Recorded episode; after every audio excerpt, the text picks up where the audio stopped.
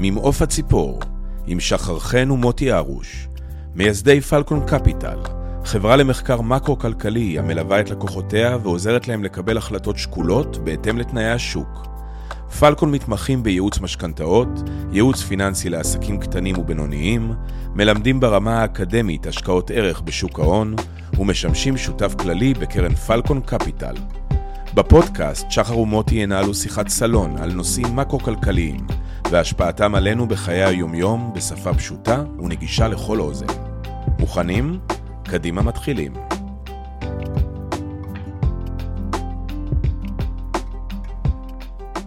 כלכלת ישראל ידעה זעזועים רבים במהלך שנותיה, בהם היפר-אינפלציה, משבר מניות הבנקים והחרם הערבי. נוסף על כך, היה עליה לקלוט גלי עלייה ולהתמודד עם ההשלכות הכלכליות של מלחמות ישראל וההוצאה הביטחונית הגבוהה.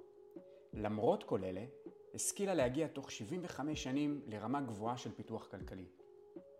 בסוף שנות ה-90, ליתר דיוק, בשנת 1997, כ-49 שנים לאחר הכרזת העצמאות, קרו כמה אירועים שניתן לראות בהם הוכחה להתפתחות והתקדמות המהירה של הכלכלה הישראלית.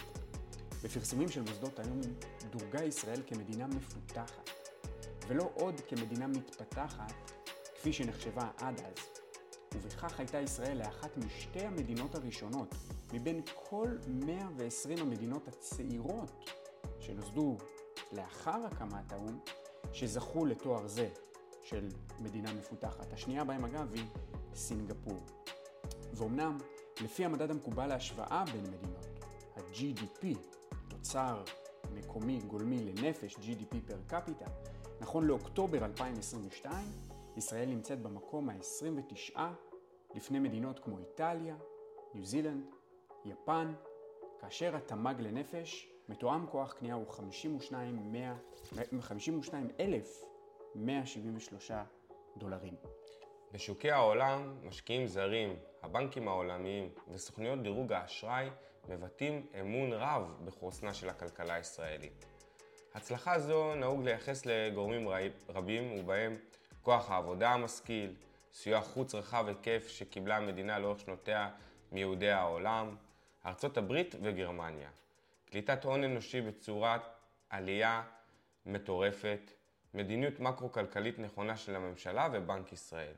הכורח הביטחוני, לפתע, מערכות נשק מתוחכמות והאופציה לייצא אותן החוצה, הזרימו המון כסף למדינת ישראל. לקראת הרבעון הרביעי שלנו, החלטנו לעשות פרק מיוחד ולרגל 75 שנים למדינת ישראל. אהלן שחר. אהלן מוטי. מה נשמע? מעולה. אז פרק uh, שהולך למעשה לגעת בכלכלת ישראל. לאורך כל ההתפתחות שלה בעצם ב-75 שנה האחרונות, אנחנו ניגע עשור עשור. לפני שנתחיל, דיסקליימר קצר, הפרק אנחנו פחות ניגע במניות ובהשקעות וכו', אבל כמובן שכל מה שאנחנו אומרים פה הוא למטרות לימודיות בלבד, ואנחנו לא מייעצים לאף אחד אה, אה, אה, שום דבר. אה, וכמובן, אם אתם אוהבים אותנו, תדרגו אותנו גם בספוטיפיי, גם באינסטגרם, בכל מקום שאפשר, תשאירו תגובות, תמשיכו איתנו את האינטראקציה, זה מאוד מאוד עוזר לנו איפה להשתפר, גם אם זה הערה או ביקורת על סאונד וגם אם זה דברים על התוכן. אז uh, כמו שאמרנו, יש לנו פרק מיוחד היום לרגל יום העצמאות של 75 שחגגנו אותו אתמול, ובתכלס אנחנו מתחילים את הרבעון הרביעי של המדינה, שזה וואו, כן? זה הרבעון הרביעי של המאה הראשונה שצפוי לנו כנראה עוד המון מאות פה.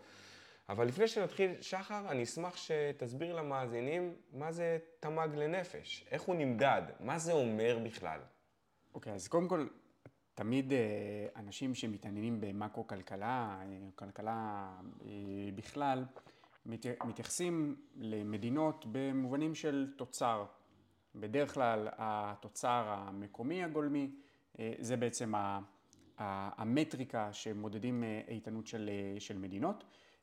למעשה התוצר זה סך כל התוצרת, כלומר הערך הכספי של מוצרים ושירותים שנמכרו אה, במשק. תוצר מקומי מדבר על כל מה שיוצר בתוך המדינה אה, אה, ולמעשה שולם בגינו גם מיסים בסופו של דבר, והתוצר הלאומי הגולמי מטריקה קצת פחות חשובה מדבר למשל על חברות ישראליות שרשומות בחו"ל ומה הן ייצרו, כלומר מה ששייך ללאום. לכן אנחנו בדרך כלל בודקים את התוצר המקומי, Gross Domestic Product או ה-GDP.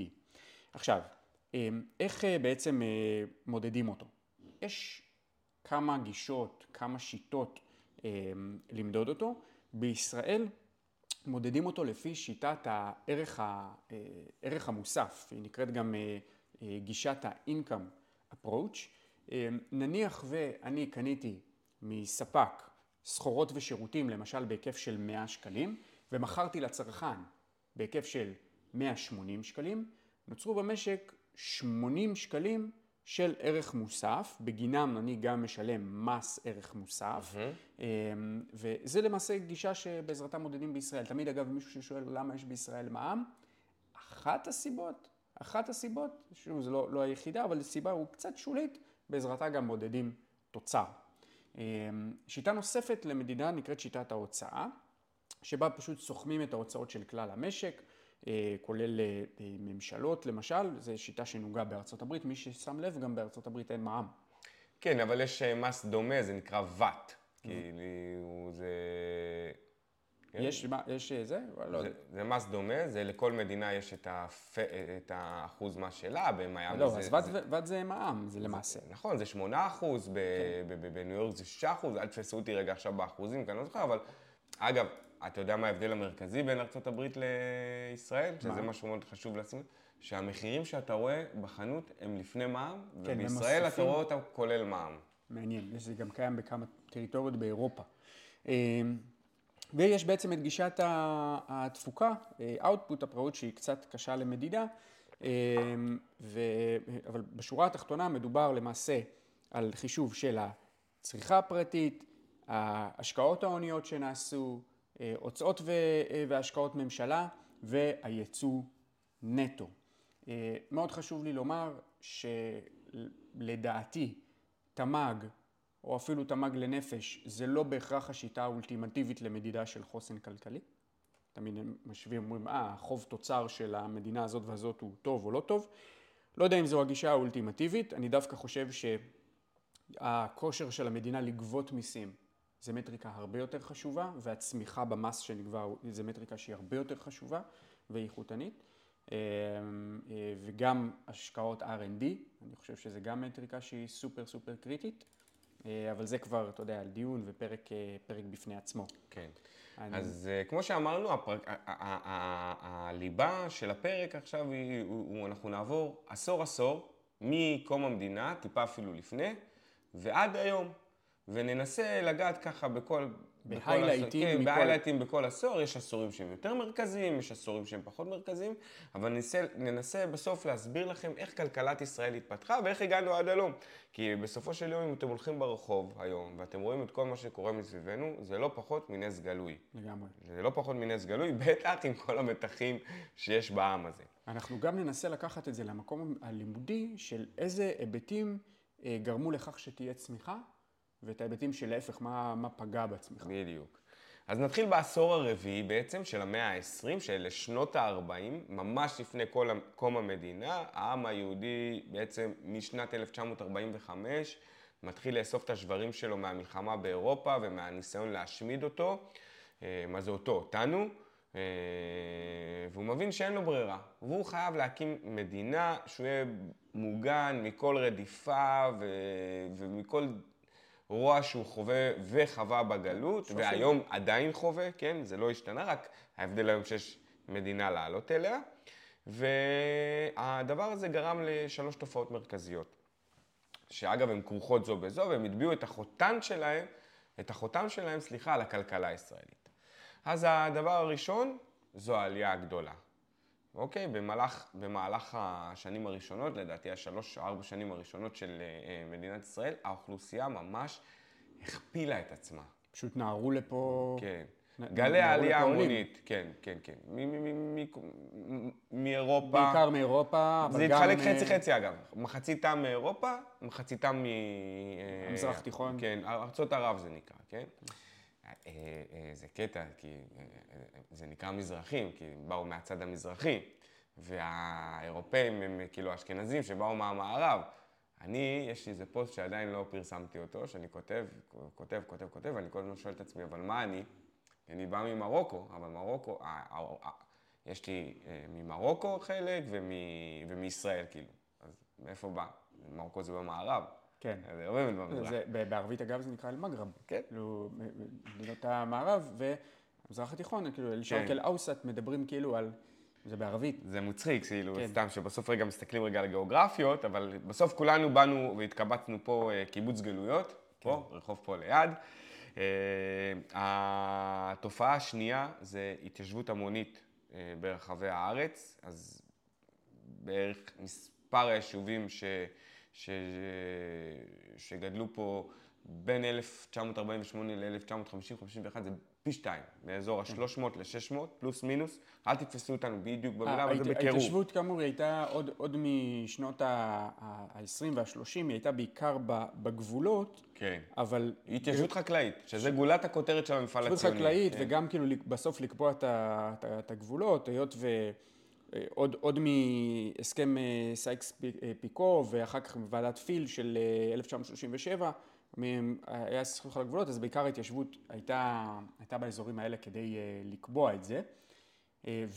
והתופעה הבאה, שכמו שתמיד אנחנו אומרים, כי תכף אנחנו ניגע במשבר הראשון שפוקד אותנו, השקעות, השקעות, השקעות, השקעות רחבות היקף, בעיקר בחקלאות, בנייה, תחבורה. הדבר יתאפשר הודות ל...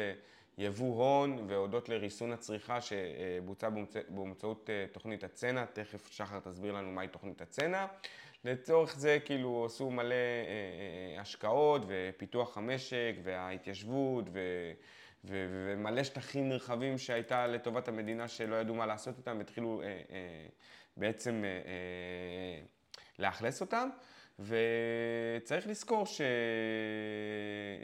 שבעצם עם סיום המלחמה באירופה, שנות, שנות מלחמת העולם השנייה, אתה יודע, הם הביאו חורבן על אירופה, אה, וגם בחלקים אחרים של העולם, ביפן אני מזכיר לך שנפלה כן, פצצת אטום אה, וכו', אבל דווקא עם ארץ ישראל, הדברים האלה היטיבו עם כלכלת ארץ ישראל. למה? כי הזוועות מלחמה פחות או יותר פסחו על האזור. למה אני אומר פחות או יותר? כי מישהו היסטריון אמיתי ורוצה לרדת לפרטים, יודע שחיל האוויר האיטלקי הפציץ פה. אבל זה לא במהות כזאת, הוא יודע שהמופתי של המוסלמים נפגש עם היטלר, אבל הם לא הספיקו עוד להוציא את התוכנית. כן, להוציא את התוכנית לפועל. וחלקים אה, ביישוב היהודי, היהודי, סליחה, התבססו פה כספקים חשובים לצבא הבריטי, שכבר עוד מאז היינו אלה שמייצרים היצואנים. ו... וגם אגב לכוחות הבריטים שחנו מחוץ לישראל. לא, כן? ת, כל, בסוף, כל הטריטוריה לא, פה. לא, לא, לא נשכח שבסוף היו פה, גם במהלך אה, מלחמת העולם הראשונה וגם במהלך מלחמת העולם השנייה, אימפריות ששלטו פה. נכון. היה פה את האימפריה העות'מאנית, אה, אתה יודע, ניהלה פה מדינה שלה לכל, לכל עניין ודבר, עד שה... אה, אחרי מלחמת העולם הראשונה. יפה. אז, אז באמת ככה התבססה כלכלת ישראל על היסודות שהונחו פה בתקופת המנדט הבריטי. אגב, וזה מה שהפך את הכלכלה אה, למודרנית יחסית, בהשוואה mm. לשאר במזרח התיכון. כמו שמוניש פבראי אומר, אל תתבייש לחכות השקעות טובות, אז בדיוק זה מה שעשו פה. ראו איך המודל הבריטי עובד, נכון, זה בסוף אימפריה, אני מזכיר לך, היא לפני האמריקאים עוד, כן? כן, גם זה... לא לשכוח, הצבא שלנו, נכון. על מה הוא מבוסס? על איזה דוקטרינה? הוא בסוף בעיקרו דוקטרינה בריטית אסלית, מה שנקרא. בדיוק. כי אה, פשוט לקחו ועשו פשוט חיקוי יותר טוב. רוב הקצינים... אותו דבר, כן. אותו דבר, אותו קצינים בריטים. אבל שחר, אנחנו בעצם, לפני שאנחנו מתקדמים לעשור הבא, שזה שנות החמישים, העשור הראשון של מדינת ישראל, במדינת ישראל, בגלל כל מה שקרה פה, בגלל הקיבוץ גלויות ובגלל כל הקליטה אה, של כל העולים, הוחלטה אה, אה, החלטה להעניק פה משטר צנע. כן. מה זה אומר משטר צנע? קודם כל, משטר צנע צריך להבין שהוא מונהג כאשר יש מחסור במשאבים. אין גישה להרבה משאבים. שלא רוצים לפגוע בכלכלה יתר על המידה כדי אה, לייבא מתוך כסף שאין. אמ, אז, אז למעשה צנע, אפשר לקרוא לזה גם קיצוב, זה שיש שירותים חיוניים, בעיקר, אתה יודע, אה, אה, מזון, דיור, הלבשה, הנעלה, כל אחד למעשה מקבל בצורה, באופן יחסית, שווה. אז אני זוכר, אתה יודע, את הסיפורים של המשפחה שלי, וכמעט כל משפחה בישראל ששוכנו במעברות, היו מקבלים תלושים.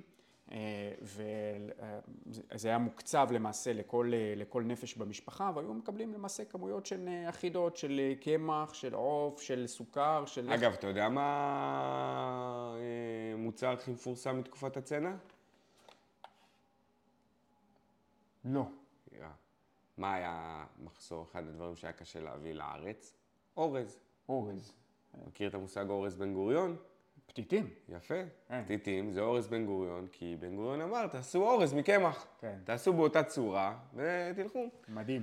אתה יודע, אני ראיתי משהו... כשאני זוכר כשהייתי ילד, כל הזמן שואל סבתא שלי, למה קוראים לזה אורז בן גוריון? אני לא מצליח, זה פתיתים או אורז בן גוריון? מה... כי היא הייתה אומרת, לך תביא מהמכולת אורז בן גוריון, אבל אני גדל על זה שהאימא שלי אומרת, זה פתיתים, אתה מבין? אז לא כן. הבנו... אז אה, אני ראיתי את זה, אגב, בביקור שלי בקובה, אה, שהיה ממש לא מזמן. שם, עזוב, סיבות אחרות, אין כל כך הרבה נקודות אה, דמיון, סוגי המשטר וכולי, אה, אבל הם מתנהלים שם עם תלושים. כל אה, משפחה... ודאי, גם, גם, גם הקטע הכי מפורסם הוא מאלכס חולה אהבה. כן. שהוא הולך לקנות חמאה, אל תדבר פה שוק שחור. כן, כן. Yeah. אז בקובה גם הם מקבלים תלושים. אתה רואה תורים לאיזה חנווני, ובאמת היה תלוש, היה כתוב מי, מי, מי בעצם פודה אותו, מי החנווני, מה המספר הסידורי, ככה, ככה דברים התנהלו. ובאמת התפתח שוק שחור גדול מאוד, רואים, רואים, רואים את זה גם בקובה, ראו את זה בברית המועצות של לפני הפריסטרויקה, כאילו לפני ה...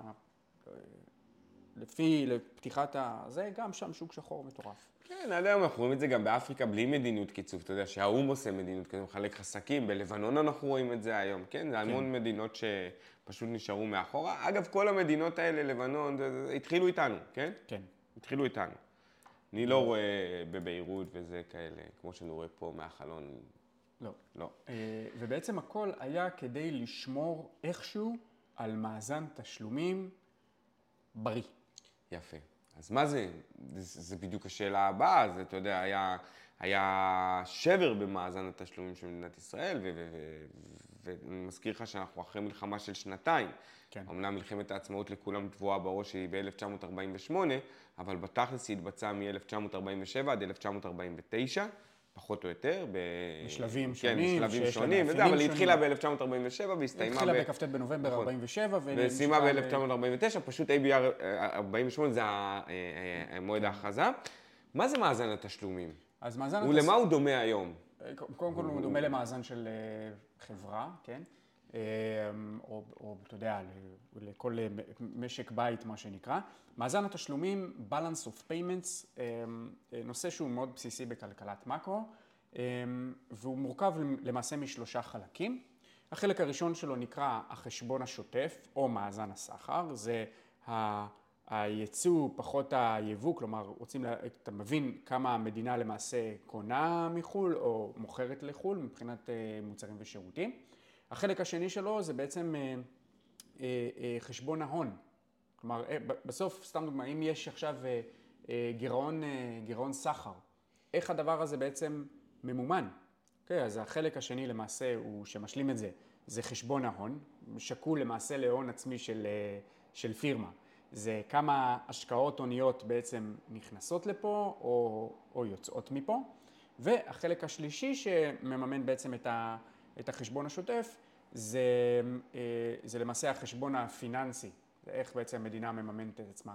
ואז כשיש לי למשל עודף ב, אה, ב, ב, בחשבון השוטף, אז בדרך כלל אני אממן אה, מדינות אחרות, יש לי גירעון משמעותי שאין לו כיסוי, אז אני צריך ללוות ממדינות אחרות, זה בעצם הטבע, טבע הדברים. אז זה בעצם מאזן התשלומים. אוהבים את הפודקאסט שלנו? מוזמנים לעקוב אחרינו בספוטיפיי, וכמובן לעקוב אחרי תכנים נוספים באינסטגרם, פלקון ואליו. אגב, אחד הביטויים העיקריים של כלכלת ישראל בשנים הראשונות שלה, שהוא ההפך הגמור ממה שקורה היום, שים לב מה קרה אחרי 75 שנה, זה המחסור, היום יש לנו יתרות מטורפות עודפי במטח. מטח. כן, היום, אז היה לנו אה, אה, מחסור חריף במטבע חוץ, בגלל ההוצאות הגדולות, בגלל שההוצאות היו הרבה יותר גדולות מההכנסות. אני מזכיר לכם שבהכנסות אנחנו אמורים למכור בחוץ, לקבל בדולרים, לקחת אותם, או אז היה לירה, אבל, לא אבל, משנה. אבל אז בסוף, הכל היה פה מאוד בתולי וצעיר, אז אתה יודע, לא... התקשית מאוד למכור מוצרים ושירותים החוצה. נכון. זה, וזה הטבע של, אתה יודע, של מדינה, מדינה בדרך. ובשל כך, למעשה יש עניינים מבניים שהושרשו עוד אז, שגם משפיעים עלינו מאוד היום, על מאזן התשלומים של ישראל. מה הם? מה עם מאזן ש, תשלום? ש, כאילו של, שלוש אה. תכונות שלמעשה מאוד משפיעות על מאזן התשלומים. קודם כל זה הסיפור של כספי הסיוע מהמם, מ- מ- מארצות הברית, נכון. שאתה יודע, זה עניין, זה מעין פיל, ב- פיל ב- בחדר פיל? של זה- הכלכלה זה- הישראלית. נכון, זה נסענו לארה"ב לבקש הלוואות. אבל זה קורה גם היום. בוודאי, אבל זה, זה, זה, זה, זה, קורה גם היום, היום זה גם קצת השתנה, יש לך את כספי הסיוע שאתה קונה מוצרים בתוך, בתוך ארצות הברית. חברות אמריקאיות. כן, זה קצת שונה, אבל אז אנחנו מדברים על כסף דה פקטו שהגיע כהלוואה. אה, הלוואה או מענק. כן, כמעט ללא, בדיוק, זה מה שבאתי להגיד, הלוואות כמעט ללא ריבית, כדי שנצליח להתגלגל. הדבר השני, אגב, הוא אה, ניהול משא ומתן עם ממשלת גרמניה על השילומים. אני מזכיר לך. שגם גרר פה תרעומת אה, מאוד כן. גדולה. מטורפת, כי קודם כל יש את כל הצד המזרחי שלא קשור ולא קיבל וזה יצר אה, פערים בינו. אבל גם בתוך אלה שבאו מאירופה, יש חלק שקיבלו וחלק שלא קיבלו. וגם זה יצר מעמדות וסיפור. יש על זה תוכנית מעולה בכאן, אנחנו לא ניכנס לזה, אה, מציע שתראו את זה.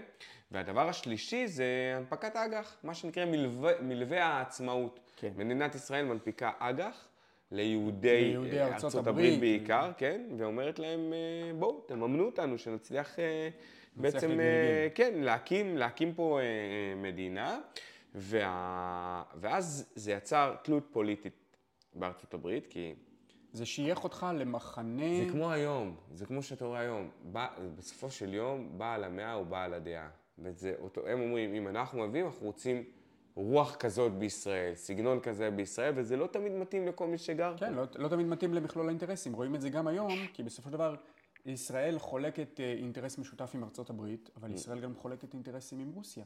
נכון. ואתה יודע, זה תמיד, תמיד מעניין, תחת איזה כנף אתה נמצא.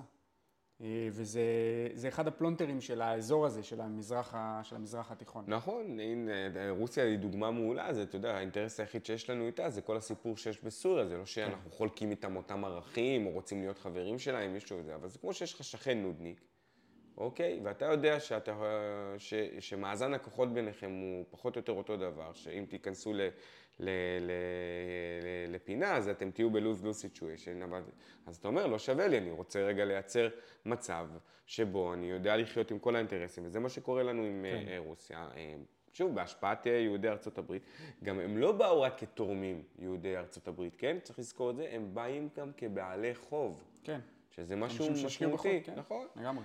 נכון. אה, אז uh, בעצם מאז 1949 ארה"ב החלה לסייע לישראל בהלוואות, באספקת סחורות, במענקים, לא בנשק עדיין. כן. שימו לב, שלא תבלבלו, אנחנו נגיע למטה. נשק עדיין היה ב... גם ישראל, או מי שהיה אז מנכ"ל משרד הביטחון, אה, שמעון פרס, היה בן 29 אז, הולך, מקטט רגליים בכל העולם כדי להביא נשק. בדיוק. בעיקר הוא הביא מצרפת אגב, והסיוע באותם שנים של ארה"ב, רק בואו בוא נשים לב מה קרה ב-75 שנה. אנחנו מדברים אז, לדעתי, על בין סדר גודל של 50 ל-100 מיליון דולר, דולר, של כן, מע- פלוס מינוס. מענקים וזה. כן, של מענקים, תרומות שטויות מדי שנה. היום אנחנו כבר על 31 מיליארד דולר. 31 מיליארד דולר לעשור. כן. אה, זה בערך 3 אה, מיליארד 3 דולר. מיליארד אה, דולר, כן. נגיד, ל- ל- ל- לשנה. מטורף. אה, התפתחות... אה, היה התפתחות שווה מדהימה. להשקיע, זה... כן. להשקיע בכמה ארצות הברית, אתה יודע, ליצור מוצר פיננסי על כמה ארצות הברית... אה. כן, אז אנחנו למעשה עוברים לעשור ה... כן, עד עכשיו זה הייתה בעצם... הקמת המדינה. הקמת המדינה, שוב, זה העשור הראשון שלנו עכשיו. העשור, כן. העשור החמישי של המאה ה-20, שנות החמישים. שנות, ה, שנות החמישים, אה, ואנחנו למעשה נכנסים אל תוך אה, כלכלה שלאט לאט מתחילה, מה שנקרא, לתפוס אה, את, שלביה הראשונים ב, אה, בהתפתחות שלה, אה, ויש כאן שר אוצר, איך קוראים לו? קפלן, הופה. ש, שהיום כל ההפגנות ב, ברחוב אה, קפלן, אגב, זה קטע, קפלן. יש, יש לזה, אני, אני תקשיב, כשהתכוננו לפרק ו, ו, ו, וקראתי וראיתי וזה וכו', אני אגב, כאילו, מאוד מכיר את כלכלת ישראל מתוך אה, אה, אה, קורס שעשיתי בתואר שלי, כלכלת ישראל, בגלל זה אני מאוד אוהב אותה ומתחבר, אבל זה, חשבתי על זה פתאום, ששר האוצר, אז הראשון, היה אליעזר קפלן, נכון, והיום כל מה שקורה, גם כל הסיפור על הכלכלה שם, זה קורה בקפלן, אין סתם, אין אין סתם. סתם, אין סתם. ולמעשה אותו אליעזר קפלן הוא למעשה תופס אה, צד של מדיניות פיסקלית מרחיבה מאוד, אה, שלמעשה הוצאות אה, מאוד מאוד משמעותיות ש, אה, ש, שקורות כאן, הוצאות ממשלתיות, אבל צריך לממן את זה נכון. איכשהו. אה, זו בעיה חמורה מאוד, היא העיקה על המשק, על המשק הכלכלי פה, היא הגבירה את הלחצים האינפלציוניים. לחצים אינפלציוניים משני מקורות, כלומר אחד זה אה, מדיניות פיסקלית שהיא מאוד מרחיבה, ומצד שני אה, אה, היצע הכסף שהולך וגדל, כסף. לידי שמרחיבים, זה למעשה שאז שני, עוד- אז עוד היה אפשר להדפיס כסף בישראל, אנחנו נגיע מתישהו בעשורים למה זה... שני, אה, שני מקורות משמעותיים מאוד, ואז באמת מתחילה פה, מתחיל פה גל אינפלציוני, אולי ה- הראשון רשמית ש, נכון. שקורה כאן. אז מה בעצם המדיניות החד... החדשה הזאת כללה? איזה צעדים היא ביצעה כדי בעצם לייצב את המצב? כן, אני מזכיר לך, זה המיתון הראשון, אנחנו כן. פתחנו במיתון. כן. אמ, אז אמ, אה, למעשה, אה, אחד, ה, אה, אחד, ה, אחד ה, בעצם הדברים ש, שקורים באיזושהי טרנספורמציה בכלכלה, זה אחד, ביטול מדיניות הקיצוב. כלומר, לאט לאט כל הסיפור הזה של תלושים ותורים וכולי, לאט לאט מצטמצם, הוא עדיין ממשיך במוצרים מסוימים, חלק ממנו, אה, למשל, אה, כל הסיפור של פיקוח מחירים שמתחיל עוד אז, אנחנו רואים אותו, פוגשים אותו גם היום. למשל, היום אנחנו בכל הסיפור הזה של אה, אה, מחירי, ה, אה, אה, אה, מחירי החלב. אה, עוד, אה, אה, עוד למעשה כלי של, אה, אה, ש, שתורם למימון של הדבר הזה זה אג"ח מיוחד שמונפק או מלווה מיוחד שבו משלמים למעשה עשרה אחוז ריבית על כל המזומנים וה, אה, אה, והפקדונות בבנקים. אוקיי, אבל anyway, גם שאתה כאילו מוצא את המקורות ואתה משפר את הצריכה וכולי ואתה לאט לאט מניע את הכלכלה, זה דבר כזה לא, לא, לא מנע אז אה, אה, אינפלציה. אה, אה, אבל למעשה היו פה גם, אה, גם צדדים חיוביים. אה, כן, אה, רואים שאחרי שנתיים של הפעולות האלה, אה, מגיע המפנה החיובי בסוגיה הזאת, וקודם כל זה כספי הבונדס, בונדס, כן, כן. המלווה עצמאות האלה שדיברנו, השילומים מגרמניה, כן. המענק האמריקאי, כל הדברים האלה מתחילים להגיע, וזה מתחיל בעצם אה, אה, לשפר את מאזן התשלומים, ומה שגורם לזה, זה שסוף סוף היצוא מתחיל לגדול על היבוא, כן. אפשר להביא דולרים או לירות אה, בריטיות, אז זה היה מחו"ל, ואז אנחנו יכולים ללכת ולקנות בחו"ל כן. אה, אה, אה, דברים, חל צמצום ו- בצריכה הציבורית, אה, בסופו- אפילו תקציב הביטחון צומצם אז. כן. אז. אה, אבל, אבל בסופו של דבר, הדבר החשוב זה שמדינת ישראל באמת מתחילה להיות אה, מדינה שמייצרת משהו. כלומר, כל ההון שנכנס לפה גם תורם ל, לפיתוח של אה, מפעלים. נכון. אה, אה, עוד דבר חשוב ו- שקרה שם, שזה ב-1952 עד אזור 1954, ירדה העלייה, היא צומצמה, בשנים האלה עלו בערך רק 50 אלף עולים, זה, תחשוב, זה כמו צוואר בקבוק כזה, שמעמיסים אותך, מעמיסים אותך, מעמיסים אותך, מעמיסים אותך, עד שמשתחרר רגע הלחץ, ואז אפשר להתחיל לטפל בכולם. כן. אז, אז אז זה עלייה מה שקרה פה, כן, העלייה מצטמצמת נתן אוויר למדינה להתארגן לקראת העליות הבאות. צמיחה כלכלית, אה, נכון. דברים מתחילים ככה אה, באמת, אה, באמת לזרום,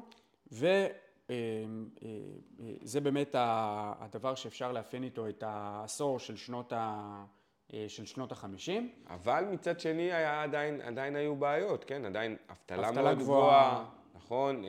בעיקר אצל העולים החדשים, ירידה בקצב הגידול של ה-GDP, של התוצר, של התוצר הלאומי שלנו. כן. אה, קרוב למחצית העולים עדיין התגוררו במעברות או באוהלים, אתה יודע, זה מצחיק, ב-2011 עשו פה איזה מחאת אוהלים, אנשים אשכרה באו וגרו ככה. כן, את, אה, אני זוכר סיפורים, אתה יודע, שהדודות שלי אה, אה, מספרות, אתה יודע, היו תקופה לא מבוטלת אה, באוהלים, עלו, מ, אה, עלו מעיראק, אה, ואתה יודע, אנשים היו צריכים למצוא עבודה מאמצע שום מקום, כלומר, בניגוד למחנות עולים, ששם, הסוכנות שטיפלה בעלייה היא זאת ש, אה, ש, שמימנה, פה למעשה כל מי שהשתכן במעברות, למעשה היה צריך למצוא דרכים לממן את עצמו. או שגם הממשלה, היא כאילו, מה היו עושים עם המובטלים? אגב, אתה יכול לראות את זה במדינות סוציאליות. נגיד, סתם, אני זוכר שנחתתי בסין יום אחד, אז ראיתי שני אנשים שכל התפקיד שלהם זה להזיז את המזוודה. לא באמת צריך אותם. כן. אבל גם פה בישראל, אגב, בשנות ה-50 וה-60, אנחנו תכף נגיע, לש- החזיקו אנשים בעבודה, סתם, רק כדי שיקבלו משכורת ויעשו משהו עם התעודה. פעולה ש... כן, יעשו איזה פעולה שבאמת... הפריון הוא מאוד נמוך. אה, בדיוק, בסיפור. אבל עם, עם, עם זה שהם מרוויחים כסף וזה או זה, ככה מעודדים את ה... אתה דיברת על אה, שלטון סוציאליסטי של סין, אז אה, לבל נשכח שכדי לקבל עבודה בסגנון דומה, היית צריך להיות מנאמני המפלגה שהייתה פה זה בשלטון. בדיוק מה שאני בא להגיד, זה כאילו שבסופו של יום, בתקופה הזאת, אה, הממשלה אה, אה, התמידה להפעיל מעורבות לוחצת בכל תחומי הכלכלה, כן? כן. כן. תזכור, אם, אם היום קוראים מכל איזה ציוץ של שר שמדבר איזה שטות על הנגיד, אז אני רוצה רגע לקחת אותך הלאה, אחורה, סליחה, ואז היה פיקוח על המטבע, האשראי הבנקאי, איזה ריבית הוא נותן, איך המסחר הבינלאומי, מה נכנס, מה יוצא, שער הדולר, הכל. אגב, זה נראה לאנשים כאילו שזה היה מזמן, אבל הרוב התבטל בעשור הראשון של המאה ה-21. כן. תכף אנחנו נדבר על זה. כן, כן. כן, זה כאילו... אה, אז עשו פה הרבה פעולות שמצד אחד כאילו לא היה ברירה, אלא שחייבים בעצם לעשות אותן כי הייתה המדינה מאוד צעירה, אבל גם הרבה מהפעילויות האלה זה פעילויות שמגבילות צמיחה. נכון. הן שמות את היד פשוט מהצמיחה ולמנוע כל, ה, כל הפיקוח הזה. נכון. אז בעצם ב-1954 המשק יוצא מהמיתון, אוקיי? אחרי שהוא נמצא... זה תחשוב, כמה המדינה, ישר מיתון, כן. לא אפילו רגע איזון, מיתון, בלאגן. זעזוע, זעזוע, כן. קמה מדינה, מיתון, ובערך מ-1949 עד 1954 המדינה במיתון, סופקת את כל העולים, כל מה שאמרנו עכשיו, וב-1954, פעם ראשונה, סוף סוף רואים ניצנים מהותיים של התוכניות, והמשק יוצא ממיתון לצמיחה מרשים. כמו תמיד, ממיתון לצמיחה סייקל. מרשימה, בדיוק. זה, בדרך, בדרך יש לנו מלחמה קטנה, כן, אה, מבצע קדש קדש. ב-1956. זה, אה, יש לך עשרה אחוז אה, לשנה בתוצר, חמישה אחוז בתוצר לנפש אגב, אה, אה, אה, הרבה הזרמת הון לישראל אה, שמושקעת אה, בצורה מוצלחת ונושאת אה, פירות אה, כלכליים, האבטלה קטנה, ובסוף בסוף שנות החמישים בעצם, פעם ראשונה מגיעים מה שנקרא לתעסוקה מלאה. מה זה אומר תעסוקה מלאה? יפה. תעסוקה מלאה זה אומר שהמשק יודע להעביד כרגע את כל מי שמחפש עבודה. בסדר? שני אחוז כאילו, זה לא, אין, אה, אין מושלם, אבל כשאנחנו בשניים, שניים וחצי אחוז, נראה לי זה בערך אה, אה, העניין של אה, אה, תעסוקה מלאה. ובעצם אה, אה, שיעורי אינפלציה נמוכים, אה, רמת חיים במשק עולה, ובעידוד נמרץ של הממשלה שרואה בעצם ככה לחזור ולעודד עלייה. הופה, אתה מבין? אם היה ח... בתחילת שנות ה-50 היה חנוק, לא ידענו איך לקבל, עכשיו המדינה מרגישה שהיא יכולה לקלוט עוד ועוד ועוד עולים, אה, אה, אה, בעצם מארצות הרווחה, מאירופה, מארצות הברית, מאיפה שכיף לחיות, ולא למנוע ירידה מהארץ, וככה היא קוראת בעצם בסוף שנות ה-50 ליהודי העולם להתחיל לעלות. בדיוק, לבוא לכאן שוב. מעולה. זה העשור הראשון של מדינת ישראל, כמו שאתה רואה, הוא לא היה פשוט, שחר, מזכיר את השנה שלנו הראשונה ב- בקרן, על אותו רעיון, נכנסנו לבלגן שלם, אה, אה, ולאט לאט אה, יצאנו. בוא תספר לנו על העשור השישי של המאה ה-20, שזה בעצם העשור השני של מדינת ישראל כמדינה עצמאית. חתיכת עשור זה. כן. אמ, אז, אז למעשה, מה שמאפיין לדעתי את סוף שנות החמישים, וגם את תחילת אה, שנות, ה, את שנות השישים, זה שלאט לאט אנחנו מתחילים ליצור כאן פערים חברתיים מעין פערי, אה, פערי מעמדות. בעיקר גם על רקע השילומים מגרמניה. גם שיש לך שילומים מגרמניה, ויש לך עוד דבר שהוא הוא, הוא נמצא גם בשיח אה, גם היום, זה הסיפור הזה של השיוך הפוליטי והמעמד התעסוקתי. היה פה בסיס מאוד מאוד חזק מקום המדינה של ההסתדרות, ולמעשה, אה, אה, כמו שאמרנו קודם, אה, הייתה פה העדפה של המשק ההסתדרותי, בין אם זה, אתה יודע, אנשים שבסוף השתייכו למפלגת הפועלים ש, שהייתה אז, אז קיבלו העדפה בהרבה מאוד אה, מקומות, בין אם זה בתעסוקה, בין אם זה במימון, בין אם זה בכל מיני אה, אה, מקומות אחרים. והדבר הזה, אתה יודע, יצר הרבה פעמים הבדלי, הבדלי מעמדות, וזה אחת, ה, בוא נגיד, הרעות החולות של, של שנות ה-60, שחלק יצאו מזה מאוד מצולקים. אני באופן אישי ממש לא חוויתי את זה בבית, אבל ברור לי ש... אה, אה, בעצם בשנות ה-60 נוצר פה פער משמעותי בין העולים החדשים, ברובם אגב בני עדות המזרח, צריך להגיד את זה, חלקם גם לא בני עדות המזרח, גם על רקע השילומים וגם על רקע היותם מי שזכה, מ- זה, זה פשוט הוא היה ותיק. מזכיר לנו קצת את הסיפור בפ- בפלוגות. כן, ותיקות צעירות. ותיקות צעירות, אנחנו כן, מבינים מאיפה זה מגיע. אז הוותיקים ואלו שעבדו וכולי, אז באמת קיבלו מענקים, המדינה, המדינה נתנה הרבה, אתה יודע, כספים אה, להסתדרות, זה, זה, זה אפשר גם, תראה, בסוף גם דברים שהם לא כלכליים בהכרח, זה, זה למשל סבסוד של אה, מפעלים כושלים, נכון. וסבסוד של עסקים כושלים. אה, אה, ובדרך הזאת אתה למעשה מגלגל אה, אה, ניצנים לסייקל שהוא סייקל שיכול להיות שלילי. אה, אגב, אני יכול לתת לך דוגמא, כאילו, בפברואר 1962, עשר שנים אחרי הרפורמה הקודמת של אליעזר קפלן, אוקיי, שר האוצר דאז, בשנות ה-50, אה, מוכרזת אה, רפורמה, עוד הפעם, הנה רפורמה חדשה, עוד הפעם, המילה רפורמה כנראה חוזרת כל... שימו לב גם, אגב, איך הכל, הכל יחזור על עצמו כל הזמן, מיתון, צמיחה, שבר, חילוקי דעות פוליטיים לאורך כל העשורים האלה, אז כל מי שחושב שהיום אנחנו נמצאים באיזה מצב אה, אה, שונה, לא. אה, ובעצם הוא מכריז על מדיניות כלכלית אה, אה, חדשה, לוי אשכול, שר האוצר, מתוך כוונה להילחם בכל התופעות השליליות שכרגע פירטת. והדברים המרכזיים היה, קודם כל, פיחות אה, אה, של הלירה, ביטול שערי החליפין הרבים שנשארו עד היום, יש אינדקס, עובדים מול סל מטבעות, אבל לצערנו, להבדיל מהרפורמה של 1952, הרפורמה הזאת לא מצליחה להשיג את המטרה שלה, הגירעון במאזר המסחרי ממשיך, ממשיך לפרוח, אה. ולא מצליחים בעצם לרסן את עלות השכר, שגם אנחנו מדברים עליו כל הזמן פה, ספירלת הספירלת שכר. השכר, אוקיי, מעבר לעליית הפריון, ומדינת ישראל אה, אה, נכנסת בעצם לפינה.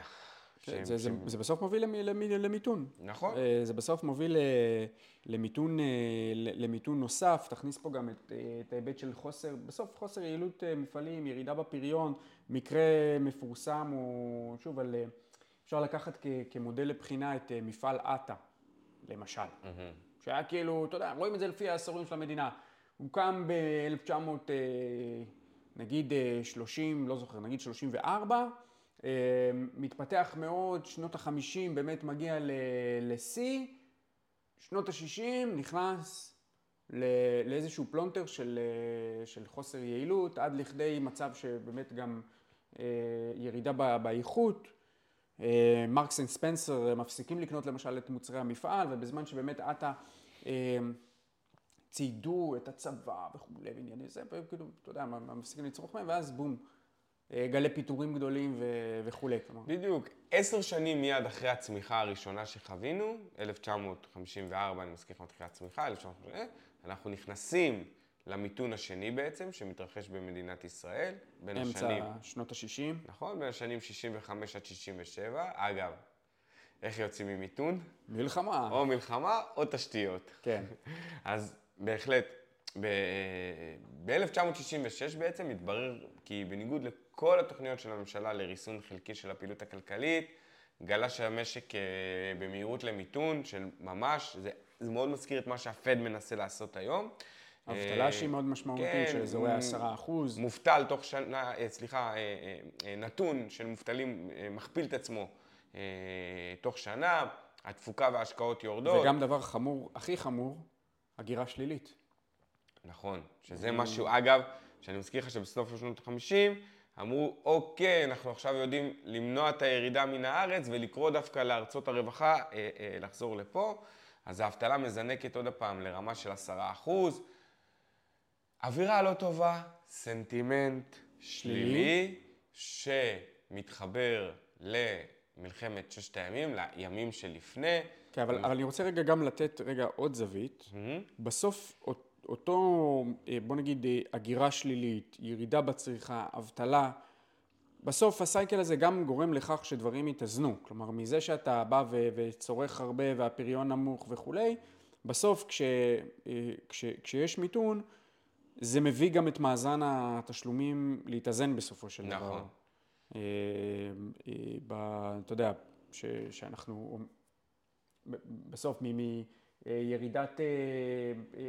של, אה, של אג"ח וכל ה, כל הסיפור של שלושת החשבונות במאזן תשלומים, זה בסוף גורם ל- לאיזשהו איזון, גם במחיר של מיתון שהוא אה, מאוד גדול. יפה. אז כל הדבר הזה, כל מה שאתה אומר, בעצם מייצר אווירה קשה של אה, משבר ששררה במשק. סנטימנט, אנחנו כל כן. הזמן מדברים על הסנטימנט, הנה אנחנו חוזרים, אז הנה אנחנו עוד פעם חזרנו, עברנו מסנטימנט אה, אה, חיובי, אני מזכיר לך, הקמת המדינה, סנטימנט חיובי, כניסה למיתון, סנטימנט שלילי, צמיחה, סנטימנט חיובי, והנה חוזרים לסנטימנט אה, אה, שלילי, שהשיא שלו בעצם מגיע בתקופת ההמתנה.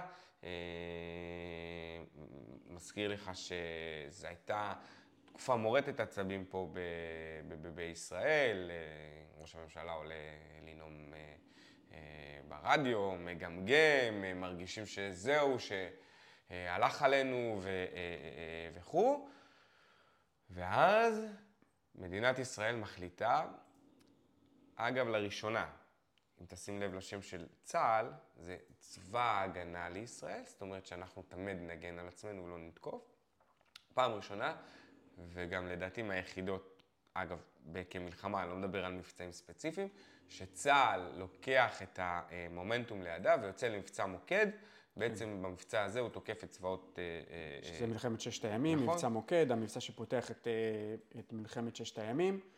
אה, שישה ימים, מפרקים פה את הכל, כובשים מלא שטחים, טה טה טה טה טה טה, הופ, סנטימנט מתחייב, מתחלף מסנטימנט שלילי לסנטימנט חיובי, ובזכות הסיום המהיר והמוצלח של אה, אה, מלחמת ששת הימים, בניצחון, סליחה, צבאי מכריע, כן? לא היה צל של ספק אה, שיש פה צבא אתה יודע, חדש. אומנם, אומנם מחיר דמים אה, לא, לא מבוטל וה- וגם אבדות, אבל, אבל אה, זה, זה גרם יוצר לאופטימיות, זה גרם לסנטימנט חיובי. לאחדות, בדיוק, להשקעה מסיבית בתעשיות ביטחוניות, מפעלים, נכון. והדברים האלו בסופו של דבר הם טריגר. אגב, ל- הפיתוח המואץ ב, ב, אה, בתעשיות הביטחוניות הגיע בעקבות ההבנה שאנחנו עומדים על משמרנו. עצמנו. למה? אנחנו לא היה תלויים- אמברגו, אחי. כן, היה אמברגו של נשיא צרפת, שר דה גול, כן. דאז, והבנו שאנחנו עכשיו, זהו, we stand alone. כן. אגב, זה אותו שיח, זה מה שהאוקראינים לא מבינים היום. כן? או, או מה, מה שהם אה, לא הבינו בתחילת המלחמה. אתה במלחמה, אף אחד לא יעזור אף לך. אחד. לאף אחד אין, כי בסוף, איך, איך, איך מחליטים על סיוע במלחמות כאלה? זה בסוף אינטרס כלכלי. ואם אני, אין לי אינטרס כלכלי עכשיו, למשל באוקראינה, אז, אז, אז, אז, אז מדינות לא תסייענה. כלומר, זה, לא. זה משהו שהוא נורא, נורא וזה שוב, תשימו לב לכל הדברים שהם מאוד דומים וחוזרים על עצמם. אגב, גם ראינו את הרמטכ"ל לא מזמן אה, מתבטא בנושא. אנחנו עומדים על משמרנו. בעצמנו, בעצמנו. לא אם תלויים אנחנו לא נצטרך לתקוף באיראן, אז נעשה את זה לבד. בדיוק, כל הכבוד לאמריקאים וכל הכבוד לכולם, יכול להיות שהם יהיו שותפים או לא יהיו שותפים, אתה יודע, יש לי כל מיני חברים שכל הזמן אומרים, חלילה שאני לא מזלזל באמריקאים, כן, ואני לא, אני חושב שאנחנו צריכים אותם ואין לנו ברירה אחרת בלעדיהם וזה, אבל יש לי כאלה כל הזמן אומרים שאם לא נקשיב לאמריקאים אז זה, לא. זה טוב, זה נחמד.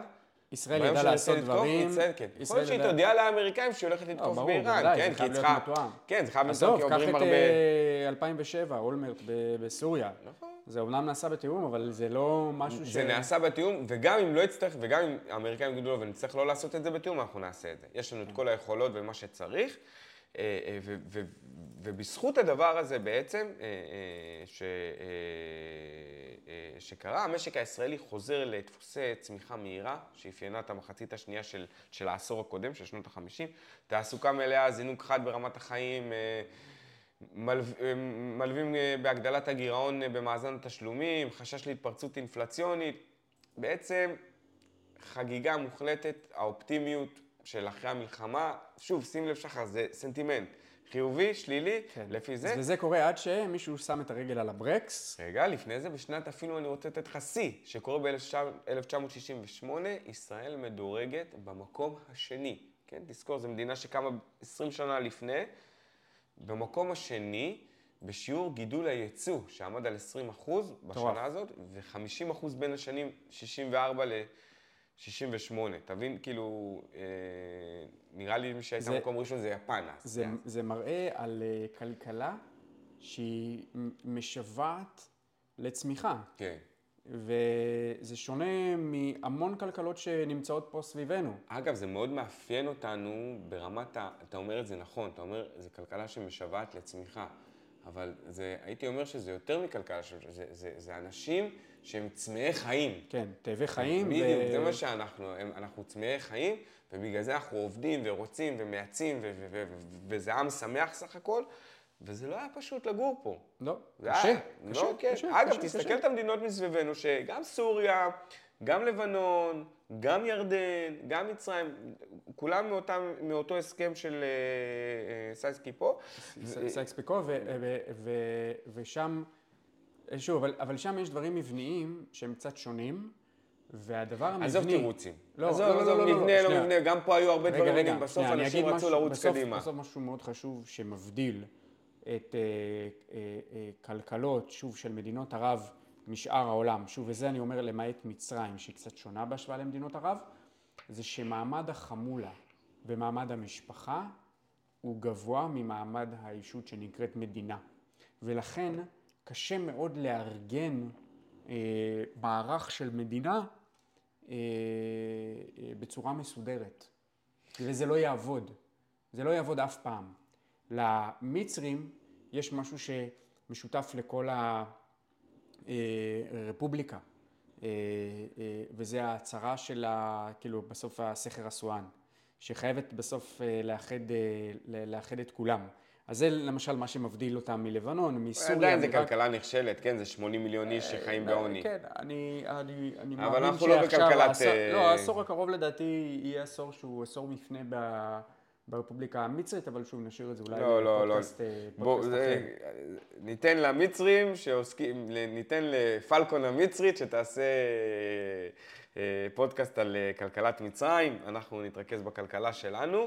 אנחנו בעצם שנות ה-60, אנחנו מסיימים אותה עם, אה, מסיימים כמו את שנות ה-50, ניצחון מאוד גדול, שגם שם אותנו במעמד בינלאומי אחר, פתאום כולם מתפעלים מחיל האוויר הישראלי וכו' וכו' וכו', אווירת אופוריה, כלכלה בצמיחה, אה, ייצוא מאוד גדול, יחד עם כל הדבר הזה נכנסים לשנות ה-70, כן. זה העשור השביעי של המאה ה-20 בעצם, והעשור השלישי המלא של מדינת המדינה. ישראל. ופה מישהו שם רגל על הברקס. כן, אבל זה כבר מתחיל ב-1971-1972, בשנים האלה כבר האינפלציה מתחילה, ההתפרצות האינפלציונית שחששו ממנה בשנות ה-60 מגיעה בתחילת שנות ה-70. לא, אבל בסוף צריך להבין את השורשים של זה. כלומר, למה הדבר הזה בעצם אה, נגרם, כל? ה, כל הסיפור. עוד בתחילת אה, שנות ה-70, אה, שוב, אחרי, אה, זה קורה אחרי הניצחון במלחמת ששת הימים, מתחיל בסופו של דבר תהליך שהוא מאוד מאוד מפורסם בכלכלה, וזה אמברגו הנפט על כל העולם, על כל העולם המערבי. נכון. למעשה מדינות ערב מצמצמות באופן משמעותי את ייצור, ייצור הנפט, שוב בהחלטת הליגה הערבית אה, אה, ובהחלטה של המדינות ה- המדינות היצרניות והדבר הזה מביא את הנפט אה, להאמיר במחירים שלו. אנחנו מדברים על תקופות שארצות הברית לא הייתה חזקה כפי שהיא היום בתחום של ייצור, ייצור נפט. כלומר, התעשייה שם הייתה מפותחת, אבל לא ברמות שהיא נמצאת אנחנו בהן מזכירים היום. שארצות הברית מתחילה להיות אימפריה בשנות ה-70 כן. בעולם. כן, ולפני כן עדיין הבריטים. הבריטים הם למעשה, נקרא לזה so called השוטר של העולם, בריטניה, צרפת, אלו המעצמות החזקות בסביבה כמו שלנו. שאנחנו רואים היום את ארצות הברית סין, ככה היה ארצות הברית בריטניה, שבריטניה כן. היא האימפריה שהולכת ודועכת, ארצות הברית היא האימפריה שהולכת ועולה. כן. אותו דבר אנחנו רואים את זה גם היום. כאילו כן, בריטניה עדיין נישאת על, ה, על, על, על ההובלה של מלחמת העולם השנייה, צ'ר, מורשת צ'רצ'יל וכולי, השליטה בים.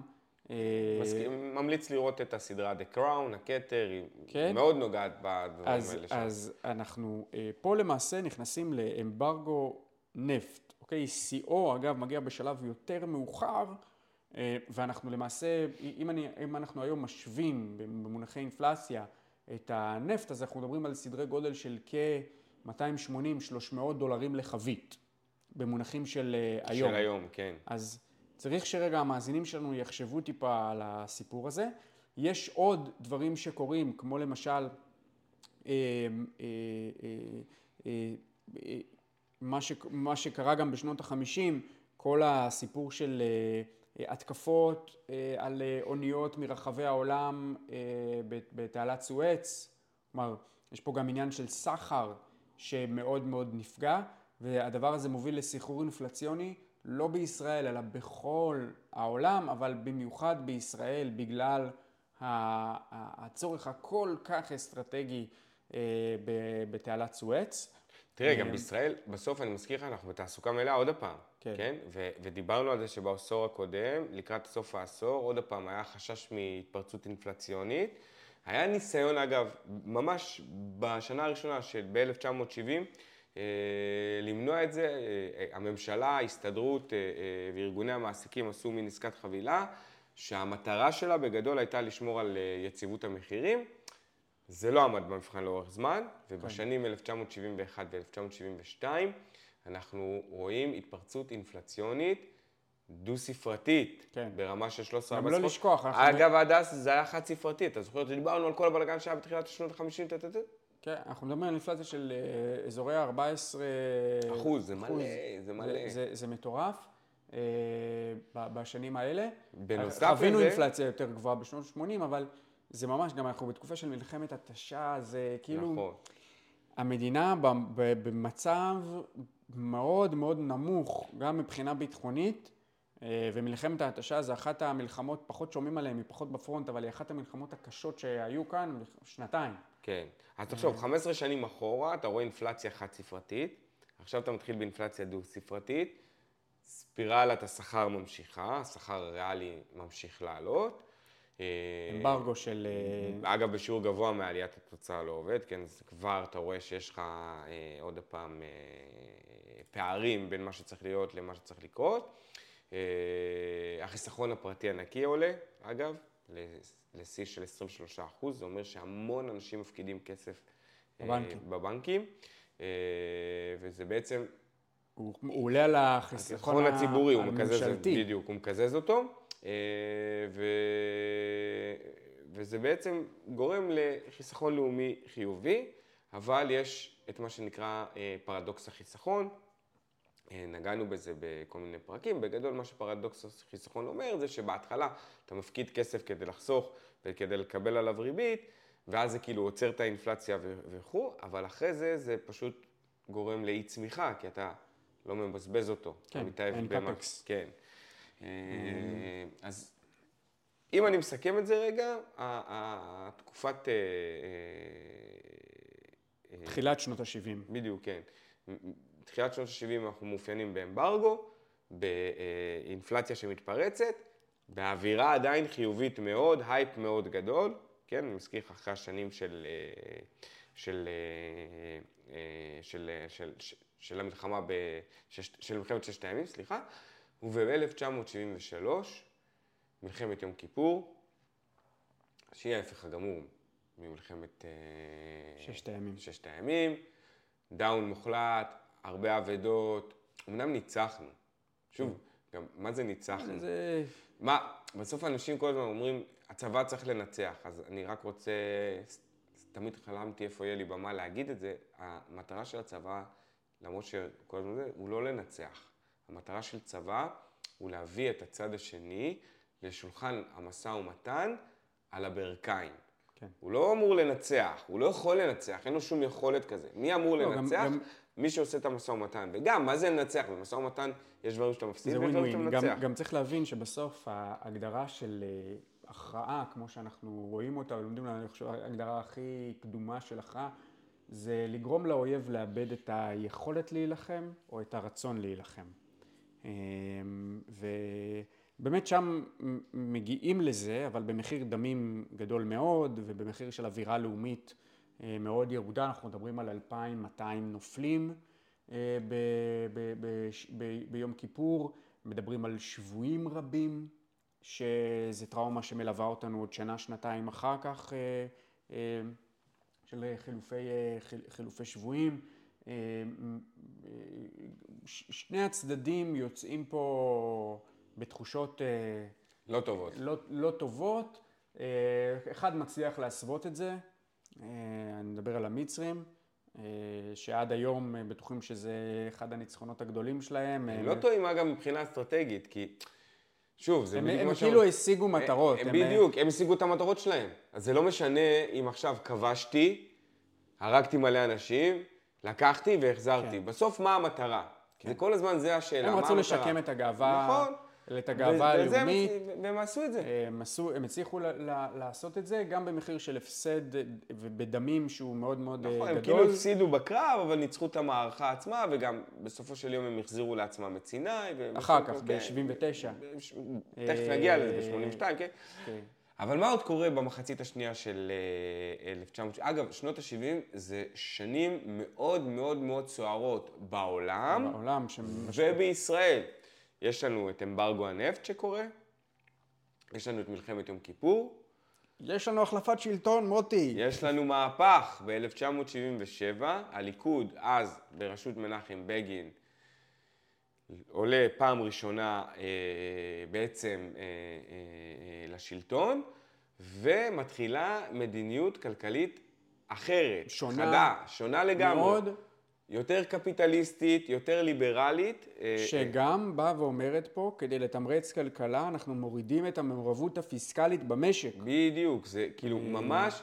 אה, גישה אחרת, גישה מוניטרית. כן, שמחה ארליך אומר, אני רוצה לעשות כלכלה ברוח משנתו של כלכלן אמריקאי, יהודי, זוכה פרס נובל, מילטון פרידמן, נכון. כן. שזה מדיניות בגדול ששוללת התערבות פיסקלית אה, לצורכי תמרוץ, בסדר? לא, כן. זה כאילו, אני לא מביא תקציב כדי שאתה תעשה לי משהו, כן? כן. לא. כאילו לא, לא, לא דוחפים את הכלכלה בכוח באמצעות אה, כן. אה, פעולות אה, ממשלתיות. אה... מה כן עשו? מה כן עשו? המהפך הכלכלי, כי חוץ מזה שהתרחש מהפך ב- ב- ב- ב- ב- בפוליטיקה, אז גם התרחש מהפך כלכלי, אני עושה כזה ב- עם הידיים בגרשיים, מי שלא רואה אותנו. המהפך הזה בעצם מונהגים בו, מונהגות בו, סליחה, עוד הפעם, רפורמות. שימו לב לעניין של רפורמה, זה כאילו לא מפסיק לחזור, לא משנה באיזה תחום, וזה רפורמות מרחיקות לכת, אוקיי? בראשן, בראש ובראשונה, ליברליזציה של המטבע. שוק המטבח, כן. עוברים משער חליפין קבוע, קבוע ל- לרצועות ניוד. כן. עכשיו, אנחנו רגע נגיד מה, מה המדרגות, רגע שהמאזינים שלנו יבינו. המדרגה הקיצונית ב, ביותר לחיוב של, אה, אה, אה, של, של מטח זה free flow trade. כלומר שיש לנו היום. כן, ששער מטח נע חופשי בצורה עצמאית, כן. אוקיי? המדרגה הקיצונית לצד השני זה שער חליפין קבוע כמו בהונג קונג, כמו מה זה כמו? בסוריה. בוא אני אספר לך כמו סיפור. ב... אני אספר לך סיפור. לילנבלום זה, זה הרחוב הפיננסי כן. של... כן, של כל הצ'יינג'ים. שעבדו שם. ומה יש שם ברחוב לילנבלום? יש שם את בנק ישראל. הבניין הראשון של בנק ישראל היה שם. ואגב, השער היציג נקבע, מי שלא יודע, היציג, היציג, אני אסביר, יש שער רציף, יציג, אז היציג נקבע כל יום בשעה שלוש. למה בשעה שלוש? למה בשעה שלוש? כי בדיוק יורדים מהבנק, שואלים את הסוחרים מה נסגר? באותו רגע, הופ, ומדווחים זה השער היציג. מה ההבדל בינו לבין השער הרציף, אגב, שפעם לא היה הבדל? השער הרציף זה השער שאנחנו רואים בכל רגע, בכל שנייה נתונה בעצם, שמשתנה כל הזמן, זה השער הרציף, באופן רציף. השער היציג מתפרסם אחת ליום בשעה שלוש בצהריים, אה, וזה היה לא, השער. אבל אז, מה, ש, מה שגם היה, היה את אותו, היה בעצם את השער של, של רצועות הניוד, אבל עדיין היה מפורסם בעיתונים גם מה שנקרא דולר שחור. כלומר, דולר כן. שחור בעצם היה שער ש, שבאמת גם אז, בתקופת רצועות הניוד, אה, הוא אה, עדיין באמת היית לוקח אותו מהחלפנים בלילינבלום. נכון. מי שרוצה אגב להבין יותר בנושא הזה, יש לי, יש לנו, סליחה, אה, אה, סטורי מאוד מעניין שאני העליתי מאחד הטיולים הפרטיים שלי בטורקיה, כי טורקיה סובלת מהדבר הזה, והראיתי אה, ממש, עשיתי סטורי של כמה אני קונה, מה השער הרשמי, וכמה אני יכול לקבל אפילו מעל השער הרשמי אה, אה, בחנויות, בגלל הצורך במטבע חוץ. אנחנו רק נסגור את הפינה עם המדיניות של ניהול מטבע. אז אמרנו, שער חליפין קבוע. הסיפור פה שאתה כל הזמן צריך לנהל רזרבות, ב- אה, רזרבות אה, מטח, האם אתה מוכר מטח, האם אתה קונה מטח, כדי, נדבר על המדינה, נדבר על הבנק המרכזי, כדי לשמור בעצם על שער החליפין אה, אה, קבוע. זה קורה בלא מעט אה, כלכלות בעולם. הקיצון השני, כמו שאמרנו, free flow trade, כמו שקורה היום אה, אה, בישראל, תנאי לדעתי שזה קרה לצמיחה. ב-2004 או 2006, אנחנו ניגע בזה באמת שעברנו לשער חליפין כן. חופשי, משוחרר. אה, ויש בעצם את כל הסיפור של אה, רצועות רצועות ניוד, ניוד, כן. שהן יכולות להיות רצועות ניוד אופקיות, והן גם יכולות להיות רצועות ניוד דינמיות. נכון. כלומר, שאתה במגמה ואתה כאילו... אה, זז עם המגמה, יורד עם המגמה, פשוט כן. שם גבולות, לא משנה אם אני במגמת עלייה או במגמת שם גבולות איפה אני יכול לראות, וברגע שאני רואה שהגבולות נפרצים, אז צריך להתערב. בכל אחת, בכל אחת מהשיטות האלה, בנק, הבנק המרכזי חייב לנהל את הרזרבות שלו באיזושהי דרך לקנות ולמכור אה, אה, מטבע, מטבע חוץ. עוד משהו... ויש גם, או סליחה, גם דולריזציה. נכון. יש עוד, עוד משהו מאוד מאוד מאוד... תראו, אנחנו לא נוגעים פה בכל מה שקרה, אי אפשר לגעת את. הכל, אי אפשר לכסות את הכל, אנחנו נותנים פה איילייטים שלדעתנו חשובים. מי שרוצה יכול להמשיך לקרוא ב- ב- ב- ב- בגוגל, באינטרנט. אבל קורה עוד מהלך מאוד מאוד חשוב, כן. שנמשך איתנו לשנות ה-80 ושנות ה-90, אנחנו ניגע בזה, זה תהליכי הפרטה במשק הישראלי. כן. חברות ממשלתיות, או עוברות לידיים עוברות פרטיות. לידיים פרטיות. כן. למשל, למשל. בזק.